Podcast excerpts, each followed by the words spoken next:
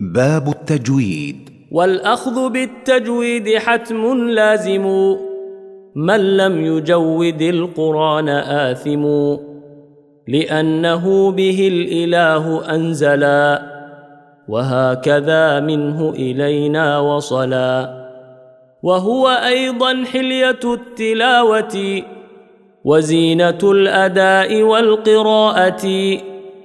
وهو إعطاء الحروف حقها من صفة لها ومستحقها.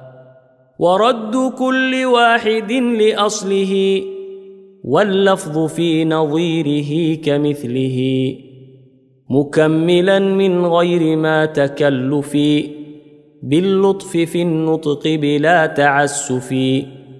وليس بينه وبين تركه إلا رياضة امرئ بفكه.